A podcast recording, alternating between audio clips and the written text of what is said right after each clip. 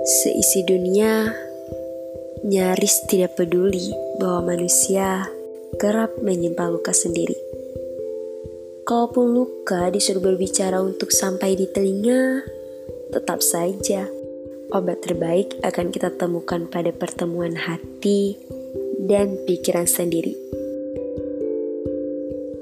Perihal patah yang kesekian, lagi-lagi dijadikan bandingan dengan rasa sakit yang lebih dulu raga lain rasakan. Memukul rata titik juang bukanlah wujud dari memanusiakan manusia.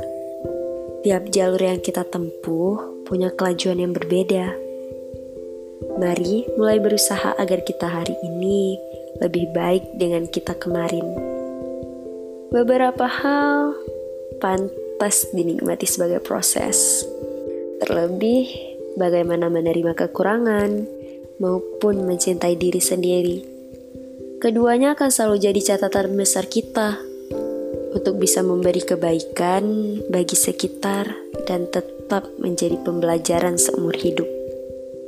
Sempurna bukan hak milik manusia.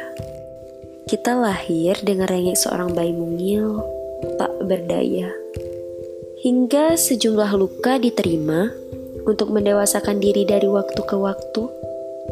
Bisa jadi langkah hari ini adalah keberanian kita untuk sembuh setiap saat.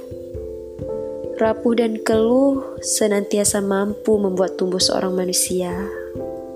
Terima kasih sudah menjadi rasa singkat yang tak pernah usai.